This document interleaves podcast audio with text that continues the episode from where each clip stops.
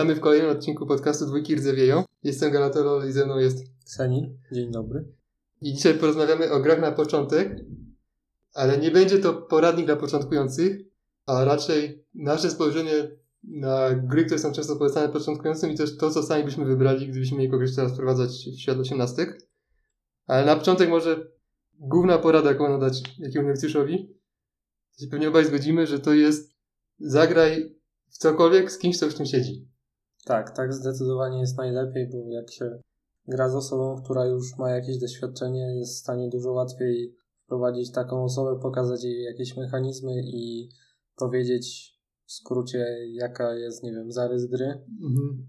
na co zwracać uwagę, co sobie odpuścić, tak dalej, niż siedzieć i to wszystko na podstawie instrukcji samej ogarnąć. Tak jest zdecydowanie łatwiej. I może od czego my zaczęliśmy? Od jakiej gry zacząłeś? 1849. Mi to było, no ja ci to, to było ze mną pół, półtora roku temu i no i co, nie siadło, nie? No tak, tylko że to, no to nie jest klasyczna, jeśli chodzi o pod względem zasad, to nie jest klasyczna gra, która ma jakby jest, którą można uznać za wzór do innych gier, Mhm. bo dość sporo innych zasad tam powiedzmy, że nietypowych jest, na przykład tam są dwa rodzaje torów, albo kapitalizacja przyrostowa, która jakby no nie jest za bardzo popularna w grach dla początkujących, że tak to ujmę. Ja, ja z kolei mm, zacząłem od samoróbki 89 na skopanych zasadach 7 lat temu i graliśmy tak, że wszystkie tory muszą zawsze przylegać, czyli jak y, w Carcassonie, więc ciężko było ulepszać tory, y, bo nie, nie mogłeś sterować torem w bok innego nieulepszonego jeszcze toru. Jakby musiał się zawsze być kontynuowany tor. Gra się zakończyła bankructwem gracza, który co prawda nie miał kasy, ale miał udziały i nie wiedziałem, że ma sprzedać. Potem miałem długą przerwę i de facto zacząłem, jakby szedłem do 18 na nowo, tak 3 lata temu i to było 1822, więc też nietypowa gra na początek. Jak widać da się, to bardziej zależy od osoby niż od samej gry. To czy, te, czy ktoś się wciągnie, czy nie. No tak, no 22 to nie jest gra, którą poleciłbym komuś, jakby miał sam do tego siadać. Tam sama instrukcja ma chyba dużo więcej stron niż takie, na przykład taka 30. No właśnie, dałbym, że przychodzi do ciebie ktoś teraz, jakiś nowicjusz i chce zacząć grać, to jaką grę byś zaproponował? Jeśli byłby to powiedzmy jedna lub dwie osoby, jakaś powiedzmy, jak, jakbym nie grał z nimi ja sam plus te osoby, to raczej, no nie raczej, tylko na pewno 30.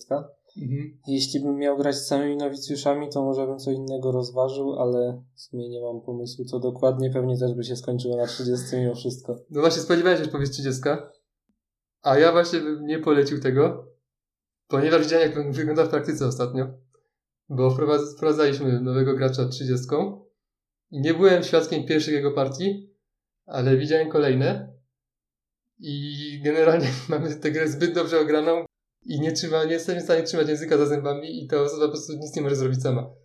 Czegokolwiek taka osoba nie zrobi, to od razu słyszy trzy argumenty, czemu mamy zrobić inaczej, jak, jakie są konsekwencje jej ruchów. Jest licytacja, ona chce sobie spokojnie policytować, coś tam gdzieś położy, ja mówię, nie, nie możesz tak, bo ten tutaj to dostanie i zaraz kupi to i wygra i nie, nie możesz tutaj. I to było, jak patrzyłem na to tak, w trakcie gry zacząłem na to patrzeć tak jakby z boku i to było przytłaczające. Dla tej osoby. No, Dlatego ja staram się trochę bardziej powstrzymywać przed takimi komentarzami. no ale właśnie w praktyce to tak nie wyglądało. No może teraz już jesteśmy mądrzejsi o to doświadczenie, ale ta osoba przytłoczona i chyba niczego nie wyciągnęła. I to, to były też partie, które kończyliśmy tam po godzinie, bo nie było sensu grać. to, jest, to nie wiem, czy to jest dobry pierwszy kontakt. Więc paradoksalnie fakt, że jesteśmy dobrze ograni 30 sprawia, że to jest gorsza gra przez nas przedstawiona nowicjuszom. Ponadto jestem już tak ograny w 30, że jakby jak już w nią gram, to wolę grać z innymi ogranymi osobami, żeby rzeczywiście z tego wciąż, wciąż czerpać. Takie partie z nowicjuszem często są do kosza. Albo go prowadzimy za rękę i to nie ma sensu, albo robić coś samemu i też nie ma sensu, bo od razu widzimy, kto na tym korzysta. Jedna osoba skorzysta, a reszta jest w plecy. Dlatego nie jestem przekonany, przekonany że to najlepsza gra na początek w takiej sytuacji. I dlatego ja bym użył 18 Chesapeake. I celowo nie gram w tę grę w innych sytuacjach niż z nowicjuszami, by właśnie nie być nią ogranym. Więc zawsze na nowo poznaję, która firma jest dobra, jakie są te prywatne i tak dalej, więc nie, w ogóle nie znam, nie, nie znam schematów, mimo że grałem w to już trochę.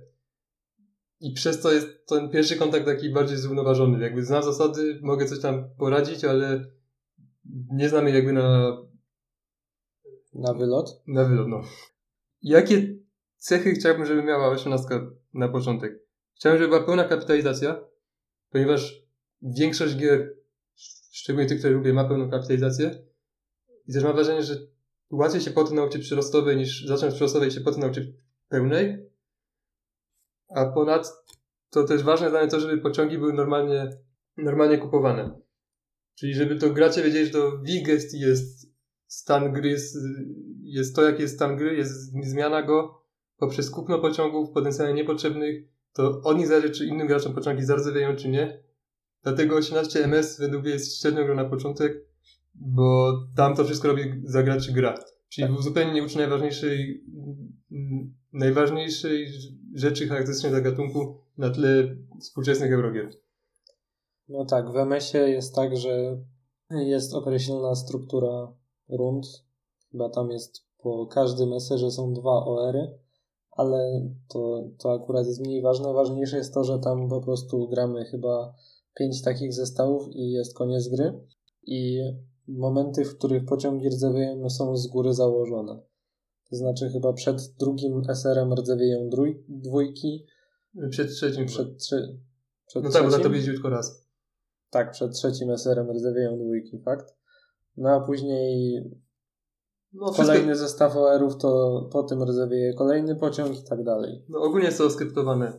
Więc jak się na przykład był, nie pamiętam ile tam jest pociągów, bo grałem w to raz i trochę dawno, ale teoretycznie jakby doszło do takiej sytuacji, że kupię sobie trójkę w jakoś dość wcześnie, no to ona może jeździć przez 3 czwarte gry i wtedy mam tyle dochodu z niego, że... I nikt temu... inny nie może niczego z tym zrobić. Tak. Więc nie możesz wziąć sprawy własne ręce Mo i zardzewieć tej trójki. Mogę kupić sobie wszystkie trójki i się śmiać ze wszystkich innych, ponieważ oni muszą już muszą jeździć tym, co zaraz zardzewieje, czyli dwójkami, albo kupować droższe pociągi, a ja mogę sobie spokojnie pieniądze drukować w ten sposób.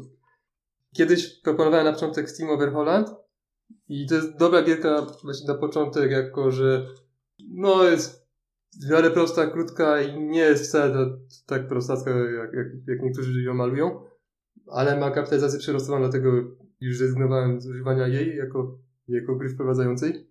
Ja na ten temat nie wiem w sumie wiele, bo to była druga gra, w którą zagrałem i to było dawno i był to jedyny raz. Nie wspominam jej źle, nie wspominam jej jakoś wyjątkowo dobrze. Jest. Mhm. Tyle mogę powiedzieć. Popularną grą na wprowadzenie jest 1846 i według mnie ona jest dlatego tak często polecana dla początkujących, że przez parę lat jako jedyna była dostępna w, w sklepach planszówkowych. Była ona i resztki 30 Mayfera. To jest cała tajemnica tego fenomenu po prostu chciałeś kupić sobie 13, to nic innego nie mogłeś kupić. No chyba, że już znałeś te takie bardziej e, niszowe sklepy po prostu wydawnictw typu Markflow albo AAG. Według mnie ta gra ma dwa problemy jako gra dla początkujących. Jeden jest na takim niskim poziomie zasad.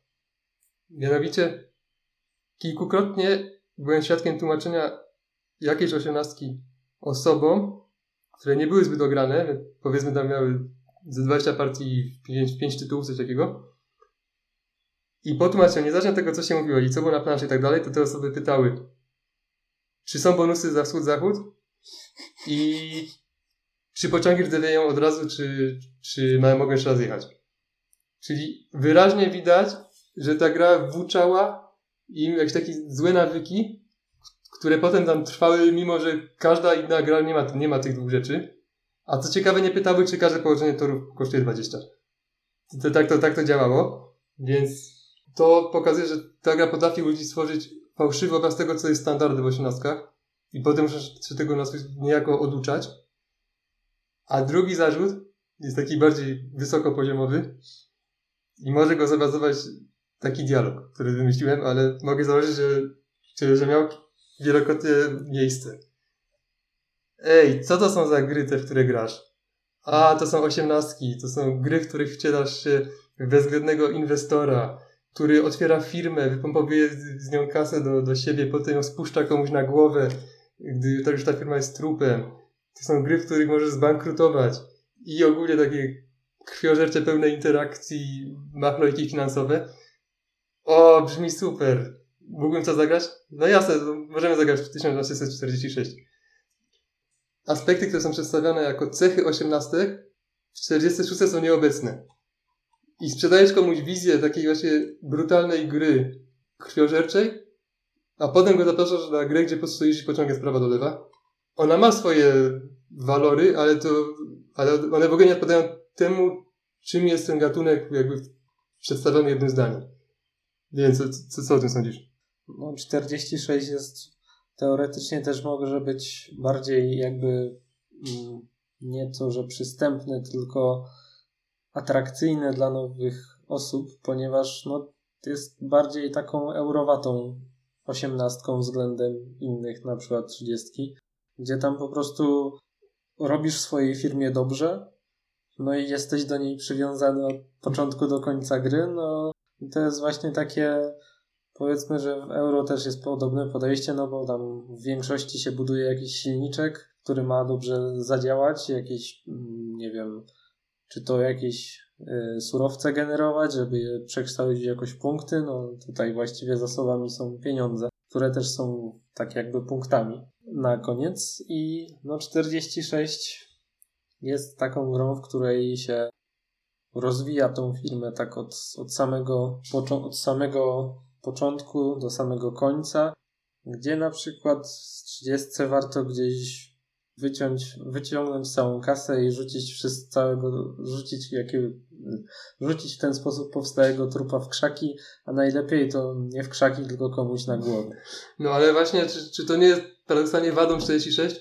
Fakt, że to nie jest podobne do typowej 18, tylko bardziej do Eurosa? No, Skoro chcemy komuś pokazać, czym są 18? Dla mnie byłoby wadą. Nawet jest wadą. Ja też byłbym zawiedziony, gdyby ktoś mi tak przedstawił gatunek, a potem pokazał coś takiego. No to tu, tu masz, masz pociąg, on sobie jedzie i on ci pieniądze robi. Okej, okay, a to... A gdzie jest to spuszczanie firmy na głowę? Gdzie, nie, nie opłaca się. Gdzie tutaj? No ja bym ci chciał ją dać, ale no okej, okay, no. no. To mu to wezmę. Dobrze. To, to wezmę, dziękuję.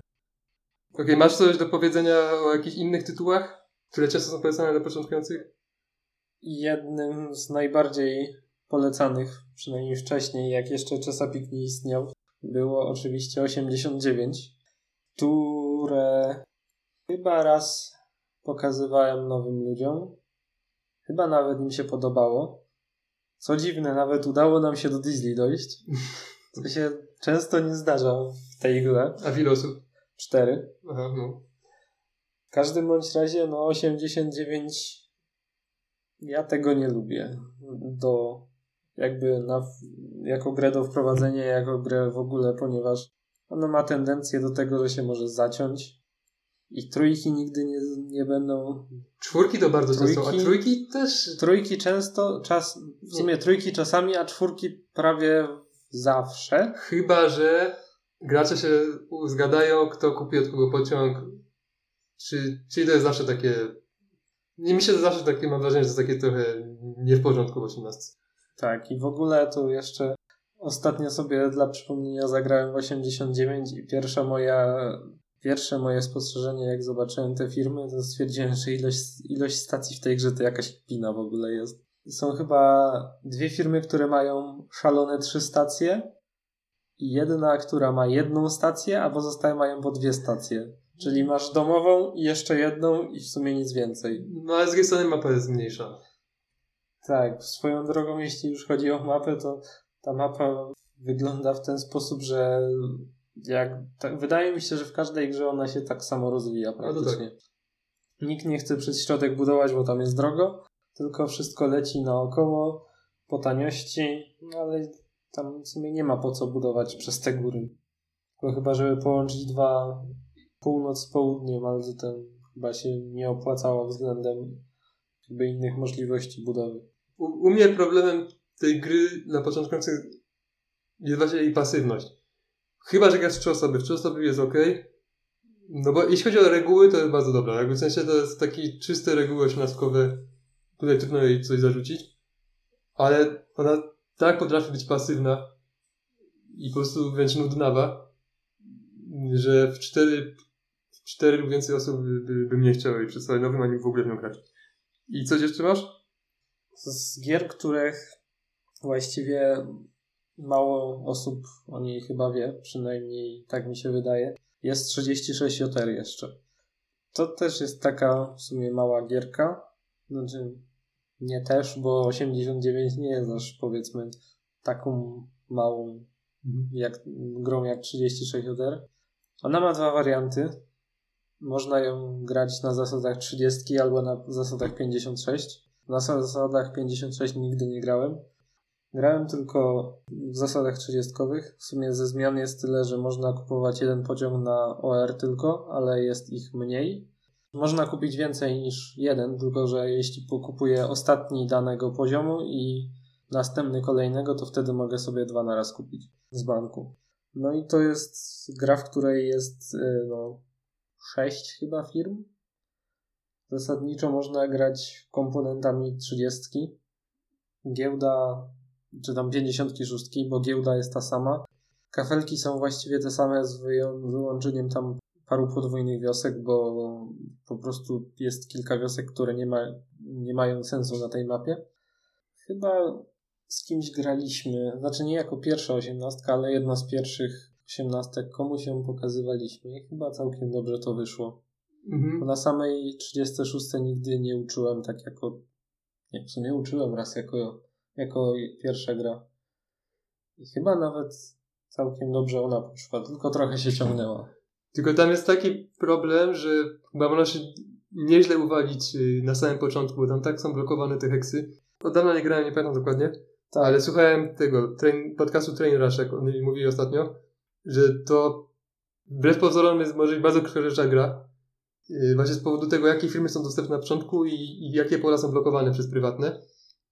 Tak, y, z, jedna firma, która przychodzi, znaczy jest jedna Prywatne są analogiczne jak do 30, tylko odpowiednie inne miejsca na mapie blokują, ale działanie mają takie same. I najdroższa sprzedawalna też przychodzi z udziałem zielonej firmy odpowiednika PRR-a, tylko że tam ta firma nie ma szans mieć trasy w pierwszym OR, w pierwszym, a nawet w drugim OR-ze, bo zbiór kafelków jest właściwie taki sam jak 30, z tymi wyjątkami, o których wcześniej wspominałem, więc żółte kafelki zwykłych miast są po prostu, są po prostu proste, jakkolwiek by to zabrzmiało, więc no nie da się tam za bardzo pokombinować i tam chyba mapa wyglądała tak, że masz z jednej strony jak wy, wy, możesz wycelować w OO, które jest żółte, więc go nie, nie, nad, nie ulepszysz zanim dojdzie do ciebie kolejna tura w OR-ze. Z drugiej strony jest blokowane przez prywatną, z trzeciej strony chyba w odległości dwóch heksów jest coś, y, do czego mógłbyś się podłączyć. No i w efekcie bez pomocy innej firmy, to na początku gry ta firma nie będzie miała możliwości w ogóle posiadania trasy. Przekonałem się o tym w jednej z gier w 36, gdy już byłem zadowolony, że udało mi się wygrać tą prywatną jakoś tanio i sobie było mnie stać na zakup pięciu certyfikatów, ale nie sześciu, więc otworzyłem tą zieloną. No i w połowie pierwszego era się zorientowałem, jakie są tego konsekwencje. Czytając y, ogólnie fora na BGG o grach na, począt, na początkujących, zauważyłem jakiś dziwny strach przed bankructwem. Jakby ludzie za, za wszelką cenę nie chcą pokazać gry, w której nowicjusz może zbankrutować. I zupełnie tego nie rozumiem, ponieważ właśnie bankructwa są najbardziej ekscytującymi i, tworzą, i tworzącymi dramaturgię momentami. I czemu chcemy pozbawić początkującego chwili, która najbardziej zapada w pamięć? Rozumiesz, czemu, czemu gdzieś tak boją pokazywać gry z bankructwem? Myślę, że to najprawdopodobniej jest kwestia tego, że nie wiem, boją się, że tak kogoś dojadą, że nigdy już z nimi nie zagra, bo będzie miał złe wspomnienia z tym? Nie wiem. No, ale ktoś taki prawdopodobnie i tak by się nie miał chęci grać w, w 17 czy w 30 czy takie brutalne, brutalniejsze gry. A jeśli ma jakby właściwy, jeśli jest właściwą osobą, to tego, tego tylko podekscytuje. No, przynajmniej ja to tak widzę. Prędzej, prędzej czy później tak musimy pokazać, że z bankructwem. No chyba, że grasz tylko w takie łagodniejsze, operacyjne, gdzie nigdy to nie występuje. No w 46 niby jest możliwość bez bankrutowania, ale z tego co słyszałem, to się trafia w poniżej, nie wiem, poniżej 5% rozgrywek. Znaczy tam chyba musisz celowo otworzyć dwie firmy nisko. Czy coś takiego, że jakby musisz, musisz de facto chcieć to zrobić. A co sądzisz o tym, co na przykład JCL mówi? Żeby w ogóle nie podpowiadać. Że nie dawać ani grama wskazówek nowicjuszowi, poza tłumaczeniem zasad. To trochę bez sensu chyba jest, no bo w sumie nie wiem. No bo takie rzeczy jak pokazywanie jakichś oczywistych rzeczy, na przykład, nie wiem, ta firma jest bez sensu, bo nie będziesz mógł jej mieć od razu trasy dla niej, na przykład, bo to jest Erie, który zaczyna na żółtym O mhm. i nie da się, ta, ta firma nie może mieć po prostu trasy wcześniej, bo w żółtej fazie nie ulepszy się tego miasta. Takie rzeczy, o których, nie wiem, można przypadkiem zapomnieć, no to jak najbardziej trzeba podpowiadać. No znaczy, rozumiem o co mu chodzi, bo jemu chodzi o to, że taki nowicjusz będzie sobie analizował grę przez kilkanaście partii, będzie sobie to rozważał, czemu zrobił źle, y, co mógłby poprawić, i to może być bardzo pouczające, no ale to wymaga pewnego konkretnego rodzaju umysłu. I on właśnie chyba ma taki rodzaj umysłu, yy, ale podejrzewam, że, podejrzewam, że większość osób już nie. Podejrzewam, że prędzej by się taki ktoś zniechęcił po prostu niż, yy, niż chciał grać więcej i analizować taką grę, powiedzmy. No poza tym, co to też za przyjemność dla tych, którzy już znają. Granie z takim nowicjuszem, właśnie tak jak wcześniej mówiłem, po prostu coś na tym skorzysta i nie będą w plecy i tyle. Tak jeszcze powiem, że ja największy rozwój osiemnastkowy czułem, kiedy zagraliśmy chyba pięć razy z rzędu w Czesapika, a potem 10 razy z rzędu w 30, bo to naprawdę strasznie rozwinęło moje umiejętności budowania tras i na co należy patrzeć, jak można komuś uniemożliwić połączenie się tam, gdzie on by chciał i tak dalej. Ogólnie polecałbym nowicjuszom ogrywanie jednego tytułu w kółko. Szczególnie, że to jest taki uniwersalny właśnie jak 30 bądź zbliżona do niego gra. No tak. Ogólnie jeszcze co do Czesopika, tam jest taki mechanizm, który teoretycznie powinien pomagać nowicjuszom, mianowicie eksport pociągów. Mhm. Co o tym myślisz? No właśnie, ja tam powiedziałem, że chcę, żeby pociągami zarządzali gracze, a nie gra, ale eksport pojedynczego pociągu Myślę, że jest okej. Okay. Znaczy tam, tam e, jest trochę więcej pociągów niż 30, bo jest wszystkich niepermanentnych pociągów jest o jeden więcej po prostu. Więc e, no ten eksport niby znaczy przy, przy właściwej grze chyba powinien mniej więcej wyjść na to samo jak względem tego, co by gracze, jakby gracze kupowali pociągi. No ale skoro by wyszedł tak samo, no to Czemu nie dać po prostu jednego pociągu mniej i wyrzucić tego eksportu, bo permanentne nigdy nie są eksportowane też. Znaczy, no wiadomo czemu, no bo chodzi o to, żeby nie było tej czwórki zatrutej, której nie chce kupić. No, a im później się kupi, tym, tym gorzej się na tym wychodzi właściwie. Mm. Bo pociągi kupowane wcześniej mają tą tendencję, że jeżdżą więcej razy niż pociągi kupowane późno. Masz jeszcze coś do przekazania? Mm, zobaczmy. A, już wiem rzecz, którą sobie dopisałem w czasie teraz dogrywania, do, przepraszam, nagrywania, jest to, że jeśli bym miał jakąś grę komuś pokazywać, to wolałbym pokazywać ją z, z grę, która ma tory nie yy, pamiętam jak się ona nazywa po, circular, po coś takiego dziwne curve, curve linear. Tak, tak, te takie normalne. Niż y, tory typu Lawson. Te drugie są niby bardziej realistyczne, jeśli chodzi o skalę, no bo taki jeden heks to nie jest, nie wiem, 100 metrów, gdzie nie da się jakby zakręcić po dużym, nie wiem, pod dużym kątem ostrym, mhm. ale Curve Linear mają to do siebie, że no, wymuszają w pewien sposób jest trudniej budować tory, ale wiem, dzięki temu lepiej się mm, lepiej się da nauczyć budować te tory odpowiednio. Tak. No, zgadzam się. Nie myślałem o tym, ale masz rację. To ja na koniec mam jeszcze mini apel. Przestańmy usprawiedliwiać proste, jednowymiarowe gry tym, że są dobre dla początkujących. Bo takich gier już teraz jest kilkanaście przynajmniej. I to, że wyjdzie jakaś nowa, prostacka gra, która w sumie niczego nie wnosi, poza tym, że ma jakiś tam nowy kawałek świata przedstawia, to to, że no, jest łatwa i ma proste zasady, więc początkujący może w nią zagrać, to to, to nie usprawiedliwia jej istnienia. Tak, w ogóle y, hasłem reklamowym Czesapika było to, że znakomita dla początkujących, ale weterani też znajdą sobie coś ciekawego. Znaczy zawsze jak jest gra, to jest na końcu dla początkujących, to tam dopisują, że weterani zna- znajdą coś ciekawego. Tak, Nawet 18 MS to ma. naprawdę. No. Przy czym akurat przy Czesapiku nie mam, nie mam za bardzo ochoty w niego grać, jeśli miałbym go, w niego grać tak po prostu, kimś, kto już sobie pograł, no bo tam nie widzę nic ciekawego za bardzo. Ma pewne swoje minusy, których bardzo nie lubię, albo trochę nie lubię. Ja nie jestem aż tak cięty, ale no, mogło być lepsze. Ma swoje Par- problemy z prywatnymi. Z prywatnymi i z o, które się łączą. Tak, to samo chciałem powiedzieć. Czyli trasy tam są nudne po prostu i zawsze takie same. I ma szare kafelki. No dobra, to, to by było na tyle. Dzięki za uwagę i do następnego. Do zobaczenia, a raczej usłyszenia.